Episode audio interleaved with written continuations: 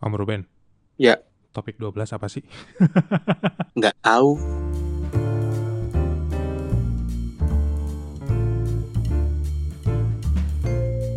Aku soalnya pas bangun tidur baru lihat topik biasanya. Oh gitu. Emang aku bikin sengaja gitu. Oh iya iya yang Heeh. sebelumnya pernah ngomong ya. Jadi 30 hari bersuaranya tuh langsung habis bangun tidur langsung Heeh. ngomong gitu kan. Lebih ke situ. Bener-bener sengaja emang nggak lihat. Enaknya gimana sih? Enaknya gimana? Lebih ke gini. Apa pun yang aku ungkapin ketika tag itu kan bener-bener top of mindku. Nggak tercampur informasi lain. Walaupun kadang kan bocor misalnya di Hmm. Discord ada yang promo, ada apa gitu. Oh oke. Jadi intinya habis ngimpi bangun tidur langsung Hmm. record gitu kan. kalau misalnya sempat loh kan kadang aku juga ada yang aku upload siang ada yang Ah. aku upload malam tapi biasanya aku bener-bener nggak lihat dulu temanya apa dari itu ya biar fresh aja nggak kepikiran apa-apa seharian itu tapi pas tag tiba-tiba lihat Oh I see. bener-bener 100% spontan Uhuy. waduh banyak banget tuh yang pakai uhui Iya kontenku juga uhuy. Yang spontan. selamat anda masuk ke kolam yang banyak ikan seperti itu Iya mainstream banget sih. Ini ngomong-ngomong mimpi, apalagi mimpi itu gratis ya. Mimpi yang masih kamu kejar itu apa sih? banyak sih tapi biasanya ini lebih ke karir ya lebih ke karir ya aku typically person yang sebenarnya antara cinta sama nggak cinta gitu sama negara sendiri aku itu pengen banget besok itu bermimpi bisa tinggal bener-bener tinggal itu malah di luar negeri Banyak banget ya. karena Aku juga kayak gitu. karena udah terlalu capek gitu loh sama sama negara sendiri itu kita mau maju ya ya emang emang negaranya aja nggak bisa aja buat ke situ gitu loh Mm-mm. kita terlalu terlalu keras kalau mencoba mau bikin suatu perubahan buat negara kita sendiri Ah, I see, I see. Gitu. Jadi antara cinta sama nggak cinta gitu loh. Kan kebetulan tanah lahirnya di sini. Terus ya mau nggak mau kan salah satunya itu. Tapi banyak banget nggak cuma itu. Terus apa lagi? Pengen punya suatu manajemen gitu, manajemen talent gitu. Eh, antara entah musik atau podcast atau apa pun sih yang aku bentuk sekarang. Tapi lebih ke serius itu. Yang bener-bener ada supply, bener-bener ada udah ada jalur gitu. Kan sekarang ini kan masih bikin itu sesuatu yang bener-bener sama-sama belajar gitu loh. Belum ada yang bener-bener ngarahin yang lurus gitu, yang jalurnya itu udah level banget itu belum sampai sekarang punya aku itu. Eh ngomong-ngomong, sekarang tuh ada berapa podcast sih? Aku, Ah. aku itu punya dua podcast itu. Oke. Yang aku, yang punya aku sendiri, yang rumah podcast itu punya aku. Hmm. Terus yang satunya itu aku sama temenku berdua. Ada namanya Logika Dangkal. Tapi itu beda Oh, banget iya. pembahasannya. Nah terus kalau dalam wilayah Jogja itu sendiri, Hmm. ekosistem siniarnya itu kayak gimana sih? Hmm, menarik nih, menarik. Kalau misalnya ngomongin siniar kan nggak sesempit podcast ya. Kalau Jogja itu kan ya pasti terkenanya di radionya sih. Dan host-host Jogja juga keren-keren banget. Master of Ceremony juga keren-keren. Oh, Voice talent itu banyak banget.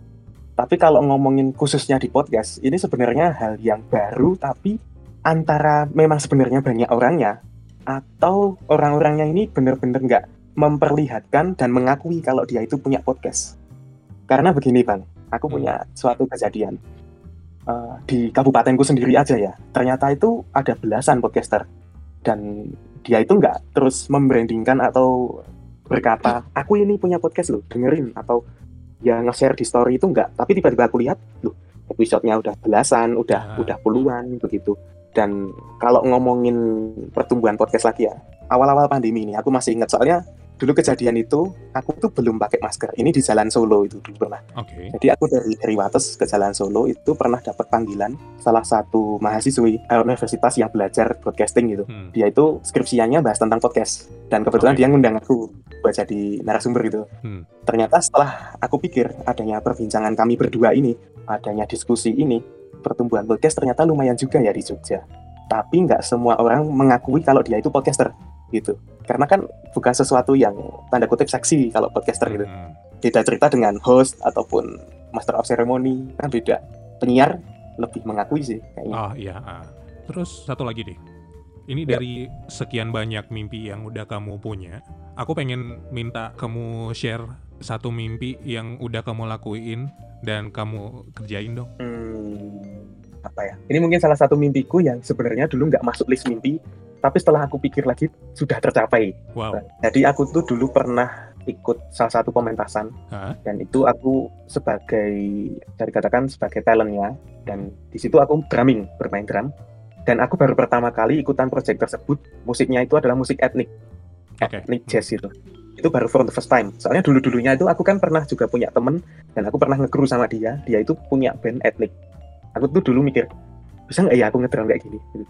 Bisa nggak ya aku jadi orang ini? Kan aku jadi krunya dulu bukan sebagai drummernya.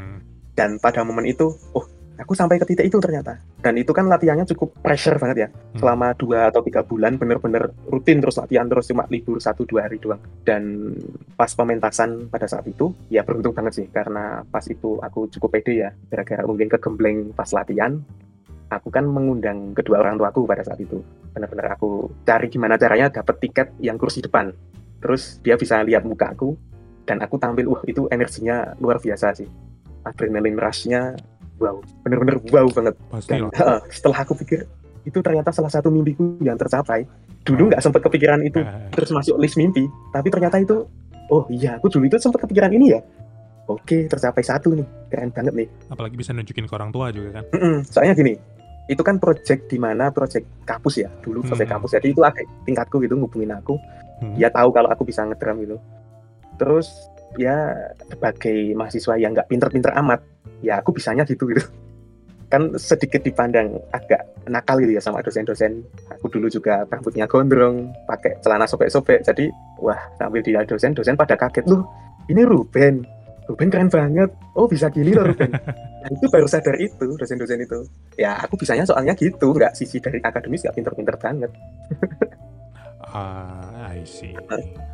Oke, baiklah. Mari kita lanjut ke topik berikutnya. Siap. This is why the.